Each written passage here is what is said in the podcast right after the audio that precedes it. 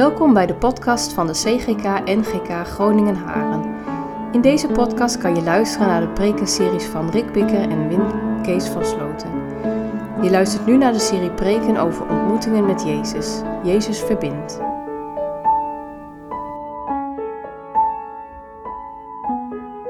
Lucas 5 vanaf vers 17 tot 39. Genezing en vergeving van zonden. Toen hij op een dag onderricht gaf, bevonden zich onder zijn gehoor ook fariseeën en wetsleraren die uit allerlei plaatsen in Galilea en Judea en uit Jeruzalem waren gekomen. De kracht van de Heer was werkzaam in hem, opdat hij zieken zou genezen. Er kwamen een paar mannen met een verlamde op een draagbed, die ze naar binnen wilden dragen om hem voor Jezus neer te leggen. Maar ze zagen geen kans om door de mensenmassa heen te komen en dus gingen ze het dak op en lieten hem op het bed door een opening in het tegeldak naar beneden zakken, tot vlak voor Jezus. Toen hij hun geloof zag, zei hij tegen de man, uw zonden zijn u vergeven. De schriftgeleerden en de fariseeën begonnen zich af te vragen, wie is die man dat hij deze godslastelijke taal spreekt? Wie kan zonden vergeven dan God alleen? Maar Jezus wist wat ze dachten en zei tegen hen, van waar toch al die bedenkingen? Wat is gemakkelijker te zeggen? Uw zonden zijn uw vergeving of sta op en loop. Ik zal u laten zien dat de mensenzoon volmacht heeft om op aarde zonden te vergeven. En hij zei tegen de verlamde, ik zeg u, sta op, pak uw bed en ga naar huis. En onmiddellijk stond hij voor de ogen van alle aanwezigen op, pakte het bed waarop hij altijd had gelegen en vertrok naar huis, terwijl hij God loofde. Allen stonden versteld en ze loofden God en zeiden, vervuld van ontzag, vandaag hebben we iets ongelooflijks gezien. Jezus bij Levi. Daarna vertrok hij en zag bij het tolhuis een tollenaar zitten die Levi heette. Hij zei tegen hem, volg mij. Levi stond op, liet alles achter en volgde hem. Hij richtte in zijn huis een groot feestmaal voor hem aan, waarbij een groot aantal tollenaars en anderen samen met Jezus aanlagen. De fariseeën en de schriftgeleerden zeiden morrend tegen zijn leerlingen, waarom eet en, eet en drinkt u met tollenaars en zondaars? Maar Jezus antwoordde, gezonde mensen hebben geen dokter nodig, maar zieken wel. Ik ben niet gekomen om rechtvaardigen tot inkeer op te roepen, maar zondaars.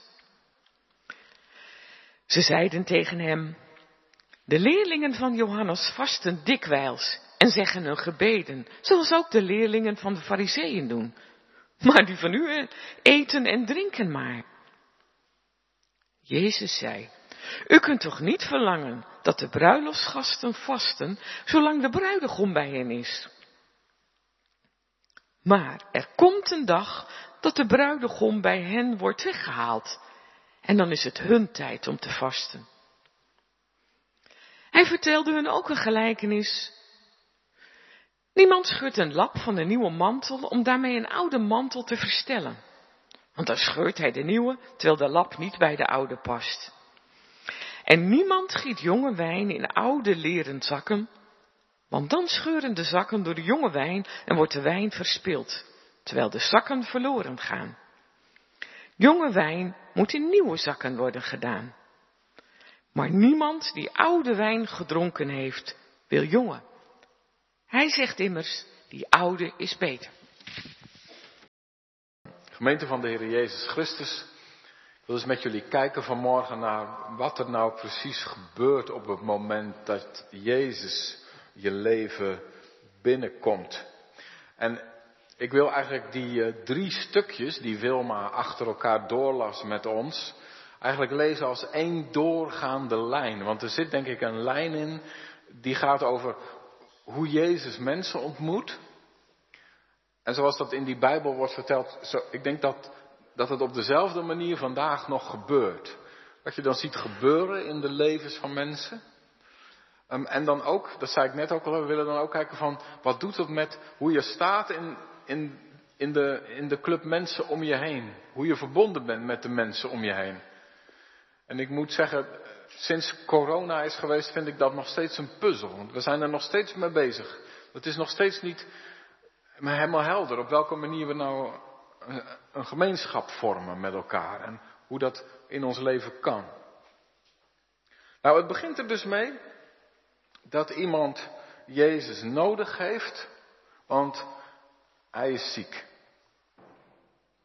En uh, dan zie je dus ook dat hij heeft een gemeenschap nodig om hem bij Jezus te brengen. Er zijn eigenlijk twee bewegingen in dat eerste stukje. Van die zieke man die moet naar Jezus gebracht worden. Daar zijn mensen voor nodig. Maar aan de andere kant zie je, Jezus die is ergens in een huis. En daar zijn allemaal theologen, allemaal uh, wetsgeleerden en uh, dominee-achtige figuren. En die zijn om Jezus heen aan het staan. En moet je maar eens opletten, in, in het evangelie zijn die mensen heel vaak rondom Jezus aan het staan, omdat ze een discussie willen voeren.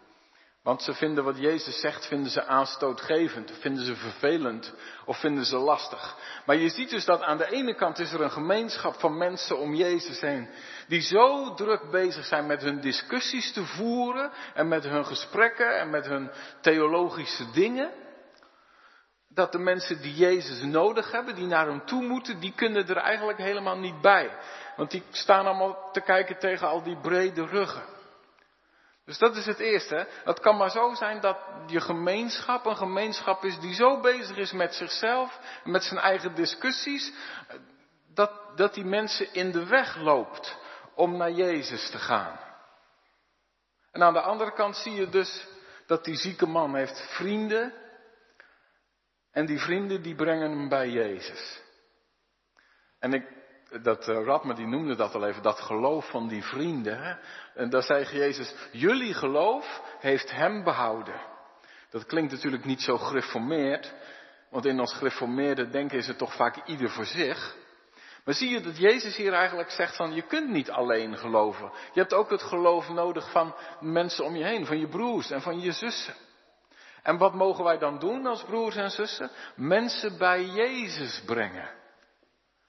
En dat is denk ik ook het eerste wat ik tegen jullie als doopouders mag zeggen. Van jullie geloof is heel belangrijk in het leven van jullie kinderen.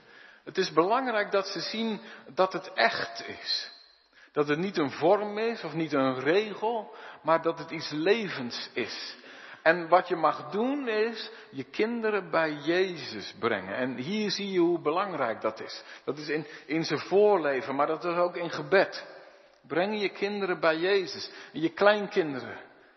En de kinderen van de gemeente, de kinderen die aan ons samen zijn toevertrouwd. En uh, ja, ik dacht, als het niet goed schiks kan, dan maar kwaad schiks. Hè? Of als het niet kan zoals het moet, dan moet het maar zoals het kan. En ze zijn eventueel bereid om ook gewoon uh, het dak van een huis open te breken. Maar deze man moet naar Jezus. Dat vind ik zo heerlijk. Zie je dat geloof van die vrienden, dat is niet een geloof. Denk ja, nou ja, we, we weten eigenlijk niet hoe het op een fatsoenlijke manier kan. Nou, dan maar op een onfatsoenlijke manier. Maar dat geloof, dat is die drang van deze man heeft Jezus nodig. En daar moet alles voor wijken. En stuur dan de rekening van je dak des maar, desnoods maar naar ons toe. Maar deze persoon moet naar Jezus. Zie je? Dat, dat is dat geloof. Dat is die overtuiging dat je Jezus nodig hebt. En dat alle andere dingen minder belangrijk zijn dan dat. Dat we mensen bij Jezus moeten brengen. En dan mogen er desnoods wat heilige huisjes sneuvelen.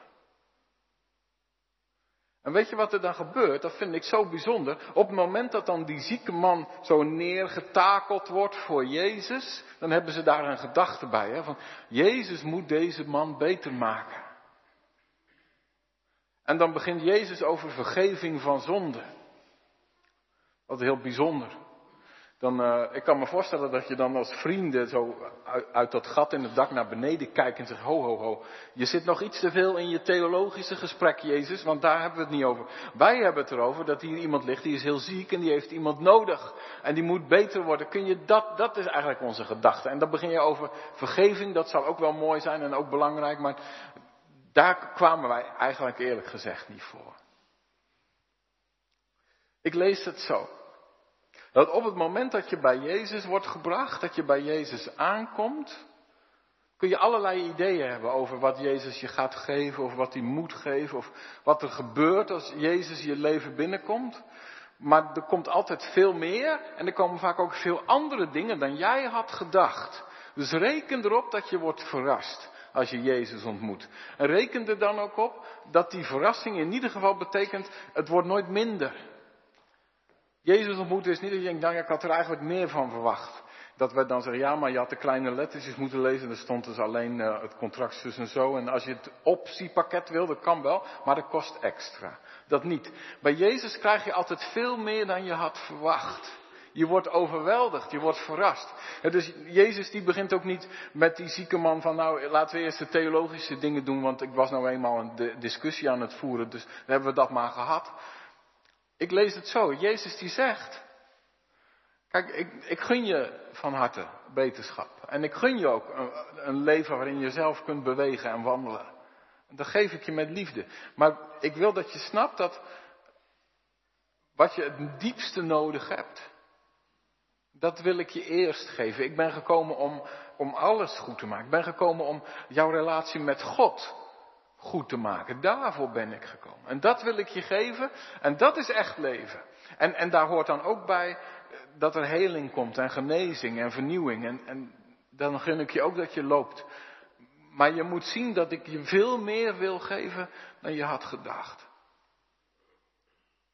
En ik wil er nog even een punt bij maken, gemeente. Want er zijn wel mensen die denken soms van ik mag pas naar Jezus. Als ik echt heel goed begrijp hoe nodig ik hem heb en als ik heel erg ingeleefd heb hoe zondig ik ben en wat er allemaal misgaat en als ik dat goed op orde heb, dat ik dat allemaal goed weet hoe zondig ik ben, dan mag ik pas naar Jezus.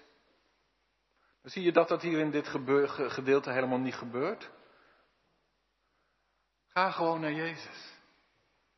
Met wat je nodig hebt. En dan zal Hij je wel laten zien dat hij je nog veel meer wil geven en misschien ook wel dingen laten zien die je helemaal niet zag. En die ook nog genezing nodig hebben. En vergeving en vernieuwing. Maar dat laat hij wel zien op zijn tijd.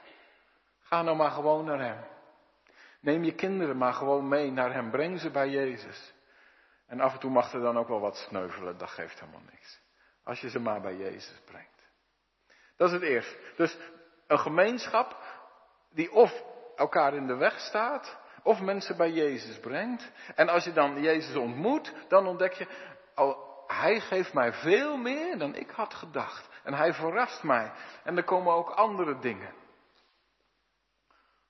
Nou, dat is wat mij betreft het eerste stukje dat we samen hebben gelezen. En dan komt het tweede stukje. Dat is over Levi, de tollenaar, bij wie Jezus in huis was. En dat gaat eigenlijk over, dan heb je Jezus ontmoet en je ontvangt zijn goedheid en je ontvangt zijn, zijn leven en zijn vergeving. En wat dan? Wat gebeurt er daarna? Want, moet je maar eens opletten, dat de, de bedoeling is, en dat is ook de bedoeling met onze kinderen, dat ze niet alleen maar Jezus ontmoeten en zeggen, oh wat heerlijk, wat geeft hij mij veel. Zo fijn. Hij geeft mij heel veel. Ja, en ondertussen doe ik gewoon lekker mijn ding en als ik iets nodig heb, dan geeft Jezus dat. Maar de bedoeling is dat als je Jezus ontmoet, dat je niet alleen maar ontvangt, maar ook dat Hij jou nieuw mag maken. Dat Hij jou anders mag maken. Dat Hij jou een leven geeft waarin het hart is dat je God zoekt en dat je Hem verlangt en dat je Hem wil dienen. En, dat zit er niet in in onszelf. Hè? Daarom dopen we onze kinderen ook omdat we willen laten zien van dat zit niet in ons, uit onszelf. Maar dat is iets wat, wat God wil geven door zijn geest. En dat, daar mag je om leren vragen. Maar op het moment dat je dus Jezus ontmoet, dan zie je dat Jezus bij Levi een vraag stelt, of eigenlijk een opdracht geeft. En dat is dan het begin van dat, dat leven met hem. En dat is dat Jezus zegt, Levi, volg mij. Jezus ontmoeten, ontvangen wat hij geeft en dan die vraag krijgen, die, die roep. Dat Jezus zegt, word mijn leerling. Laat dit je leven zijn, dat je achter mij aan wilt gaan, dat je je leven wilt leven op een manier die past bij mij. En dat is wat we hopen, dat dat gebeurt met mensen die opgroeien. Dat ze zien hoe rijk het is wat Jezus wil geven en dat ze dan zeggen, ja Jezus, ik, wil, ik hoor die roep. Ik hoor dat je roept dat ik achter je aankom. En dat ze dan zeggen, ik ga, ik kom, ik kom achter je aan, ik, ik wil je leerling zijn. Ik vind het zo bijzonder, gemeente, dat Levi dan op het moment dat Jezus zegt, volg mij, dat hij dan meteen gaat. Hè? Er zit niks tussen. Dat is bij ons heel vaak. Ken je dat? We, als iemand iets vraagt, zeg ik, nou, ik kom er straks op terug. Denk er even over na. Ik heb het ook wel eens, dan krijg ik een mail en dan stuurt iemand mij een vraag. En dan denk ik, eh, ik denk er even over na. En dan stuur ik later wel een mail terug. En dan ben ik een paar dagen later eh, helemaal vergeten dat ik er nog over na zou denken. En dan stuur ik niet eens een mail terug. Maar hier bij Jezus, als Jezus roept, hè, dat is zo bijzonder, als Jezus roept, eh, Levi hoeft helemaal niet na te denken, maar hij, hij gaat. Hij, hij zegt ja, Jezus. Blijkbaar is Jezus ontmoeten zo overweldigend, dat, dat vraagt geen tijd van nadenken. Dat is ook alleen zo met Jezus.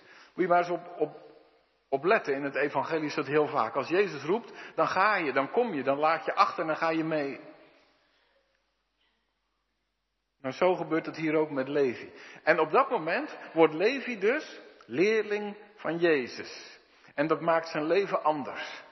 En wat er dan gebeurt, gemeente, ik vind dat zo heerlijk. Daar kan ik echt van genieten. Want Levi denkt, nu ga ik zo leven zoals dat past bij Jezus. Dus wat gaat hij doen? Hij geeft een feest. Denk, hij heeft het begrepen. Ik leef met Jezus, dus dat ga ik doen. Ik maak een feest. Ik geef in mijn huis een feest en dan is iedereen welkom en Jezus ook. Nou was die Levi een uh, tollenaar. Ik zal dat even heel kort uitleggen. Ik kan me voorstellen dat er misschien mensen zijn die dat woord niet zo uh, herkennen. Kijk, bij, ons is dat al best een lastig ding. Hè? Stel je voor je werkt bij de Belastingdienst en je zit op een verjaardag en je moet dat uit gaan leggen waar je werkt. Dan hou je je hart vast van wat er allemaal de rest van de verjaardag aan grieven en klachten over je heen komt. Ik kan me voorstellen dat je daar voorzichtig over bent. Heb ik trouwens ook, hè, als ik zeg dat ik dominee ben. Dat ik kan laatst dan zeggen mensen, oh wat leuk dat dat er nog is. En je bent nog zo jong. soort, alsof je iets, een soort oud-Hollandse, uh, oud-Hollandse dingen doet, dus als kantklossen of zo, weet je wel. Wat leuk dat dat er nog is. Maar nou goed, maar dat heeft, iemand van de belasting krijgt ook een bepaalde reactie als je op een verjaardag vertelt wat je doet. En dat had Levi ook, want Levi was tollenaar. En een tollenaar, dat is niet alleen maar iemand die belasting inzamelt, maar dat doet hij voor de bezetter, voor de, de Romeinen die in de tijd van Jezus bezettingsmacht waren in Israël. Dus je ging geld inzamelen voor de vijand en iedereen wist, daar hou je ook nog een uh, ruimhartig deel voor jezelf. Dus eigenlijk kwam Levi gewoon nooit op verjaardagen, want dan werd hij gewoon niet uitgenodigd. Hij leefde eigenlijk heel alleen en hij leefde voor zijn geld. En meer had hij niet. Totdat Jezus komt en dat leven met Jezus maakt hem zo anders. Dat volgen met Jezus, dat betekent ik ga een feestmaal doen en ik ga iedereen uitnodigen. Die eenzaamheid is voorbij. Ik ga mensen binnenhalen in mijn huis. En weet je wat ik dan zo leuk vind? Dat voor Levi is het volkomen normaal dat hij dan niet zegt, nou, ik bel de gereformeerde ouderlingen en ik bel de dominee en die mogen dan maar langskomen. Maar dat hij zegt, mijn collega's, iedereen komt maar. En hij vindt het heel normaal dat die mensen samen met Jezus bij hem aan tafel zitten. Zie je, dat is wat er gebeurt als er een gemeenschap ontstaat rondom Jezus. Jezus volgen is met mensen samen eten, samen het leven delen, het goede delen wat God geeft. En voor Levi is dat volstrekt normaal dat dat zondaren zijn en, en andere tollenaars en andere mensen waar misschien wel op neergekeken wordt. En dat is Jezus volgen. En Jezus zelf is het daar helemaal mee eens. Hij zit met liefde tussen die mensen. En hij vindt het heerlijk. En dan, dan komen die theologen weer van dat eerste stukje, weet je wel, die eerst allemaal in de weg stonden rondom Jezus. En natuurlijk hebben ze er weer wat van te zeggen. Jij eet met tollenaars en met zondaars.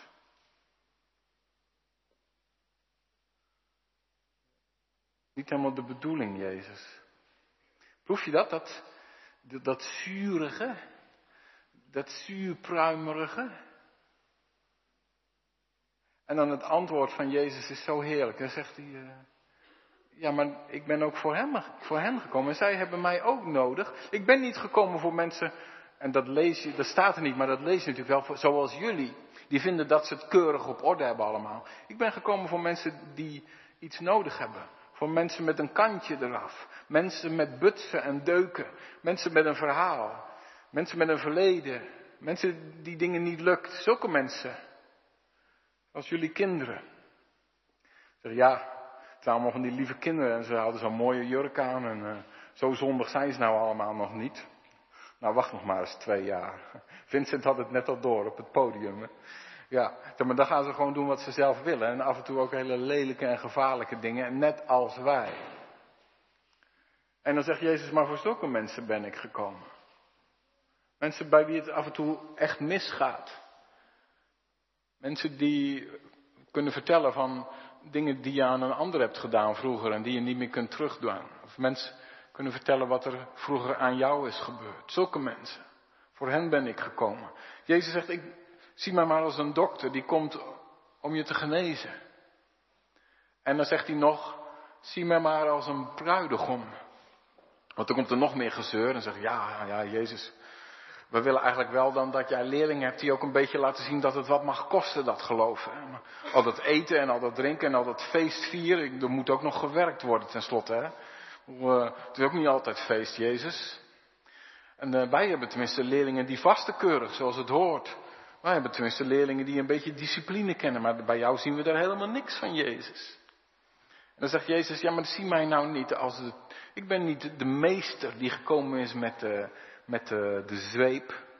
Ik ben gekomen als de bruidegom. Ik ben gekomen om je lief te hebben. Dat is zo'n mooi woord in de Bijbel. Als Jezus dat woord voor zichzelf gebruikt, dat is een lijn die in heel de Bijbel zit. Van God die naar je toe komt om in intimiteit en in liefde zichzelf aan jou te geven. Zo is God en zo is Jezus. In de Bijbel is Jezus ook de bruidegom omdat hij zegt, een bruidegom die geeft zichzelf helemaal aan zijn bruid. Die geeft zijn leven voor haar, die geeft zijn lichaam aan haar. En zo ben ik gekomen om mijn leven en mijn lichaam voor jullie te geven. En dat, dat is eigenlijk het hele verhaal van kruis en opstanding, wat in dat ene woord bruidegom zit.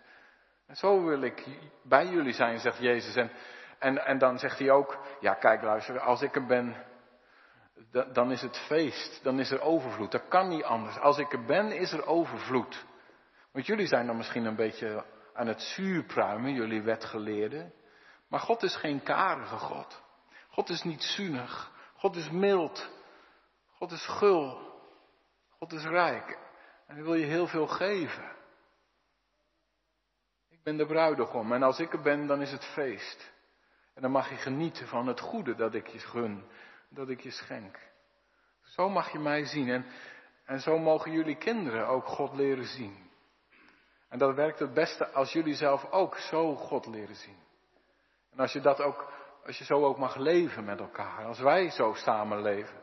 Ik denk ook gemeente dat de beste manier om mensen bij Jezus te brengen, waar we begonnen. De beste manier om dat samen te doen is ook te zien dat Hij de bruidegom is. En zijn goedheid en zijn liefde ook op te merken. In alles wat we ontvangen. Zijn aanwezigheid op te merken. Dus Jezus ontmoeten. Dat doe je samen. Dan ontvang je wat Hij geeft en dat is veel meer dan je had verwacht.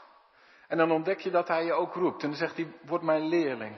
En dan wordt je leven anders. En dan ontstaat er opeens een gemeenschap om je heen van, van niet keurige mensen, maar mensen zoals jij met, met een hoekje eraf. En die gemeenschap, daar zit heel veel vreugde in, want je deelt de aanwezigheid van de bruidegom. En dan zegt Jezus, ik wil nog een keer de vinger erbij leggen, zie je dat je dan echt een andere mens wordt. En dan gebruikt hij een prachtige gelijkenis. Eigenlijk zou ik daar nog een keer een hele preek over willen houden voor jullie, maar ik laat het nu even heel kort. Dan heeft hij twee voorbeelden. Heeft hij het over oude wijn in nieuwe zakken. En dan heeft hij het over eh, een, een nieuwe lap stof die je op een oude jas naait. En dan zegt hij, oud en nieuw, dat kan niet bij elkaar, hè? Want oude wijn, of uh, een nieuwe wijn in oude zakken, daar kan die, die oude, dat oude leer kan dat niet hebben. Die, die, die wijn die werkt nog, dan gaat het kapot. En zo'n nieuwe lap op zo'n oude jas, dat kan ook niet, dat gaat niet goed bij elkaar. Dus nieuw en oud kan niet samen. Als je mij volgt, dan moet heel je leven nieuw worden. En ik dacht nog heel oneerbiedig. Volgens mij zegt Jezus van, wil je mij volgen of blijf je een oude zak? Volgens mij is dat ongeveer wat Lucas eh, zegt. Maar snap je dat? Want het moet helemaal nieuw worden, dat leven. En het kan niet een beetje. Je kan niet zeggen van, nou dat doe ik op maandag en de rest van de dagen doe ik mijn eigen ding. Helemaal nieuw worden, want anders dan gaat het scheuren en werken. En misschien merk je dat ook wel, herken je dat? Je zegt, ja, ik wil Jezus wel volgen, maar het is een beetje halfslachtig af en toe. En, en dan merk ik dat er wat scheurt en dat er wat rafelt en dat het niet werkt. Dan zegt Jezus, maar wat de bedoeling is, dat dat nieuwe wat je leven nu binnenstroomt, dat dat je leven zo verandert dat dat, dat nieuwe ook mag grijpen. En dat heel je leven nieuw wordt en, en dat het helemaal vol raakt, zodat eigenlijk je leven wordt als een hele mooie, lang gelegen wijn, helemaal gerijpt. Vol van smaak en vol van heerlijkheid en vol van goedheid. Dat nieuwe, dat moet mee. En dat moet heel dat leven doordrinken. En dan wordt die nieuwe wijn weer heerlijke, belegen, oude wijn. Zo, zo mag je leven zijn. Wat een perspectief. Ik denk dat zo dit Bijbelgedeelte heel goed past in een doopdienst. Ik denk, je hebt je kinderen een heleboel nog uit te leggen. Een heleboel mee te geven. Maar ik denk wij allemaal gemeente. Eh, mag ik nu nou gewoon eens aan je vragen? Hè? Van, eh, die ontmoeting met Jezus.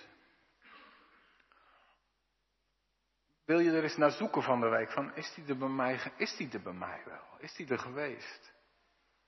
Of is Jezus voor mij eigenlijk nog iemand op afstand, die vooral hoort bij opa en oma, of papa of mama, of bij iemand anders, maar ik weet het zelf nog niet.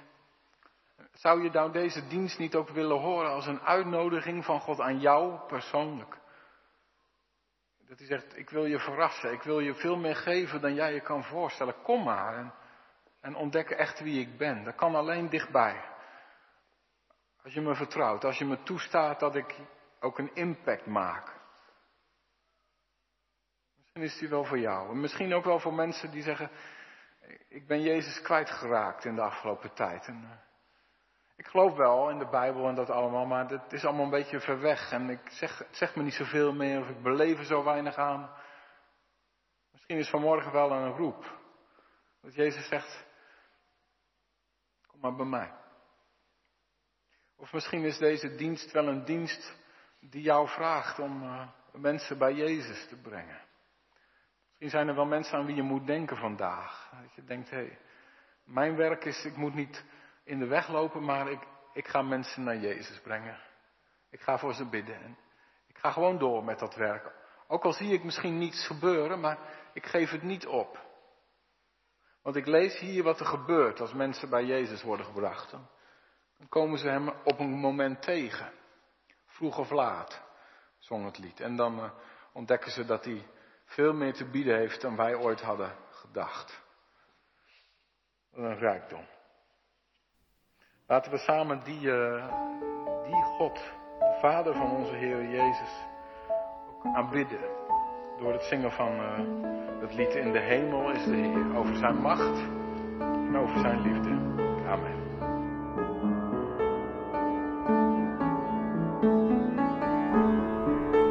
Bedankt dat je naar deze podcast hebt geluisterd. Wil je reageren? Stuur dan een e-mail naar podcast.cgk-gn.nl. Hopelijk tot de volgende aflevering.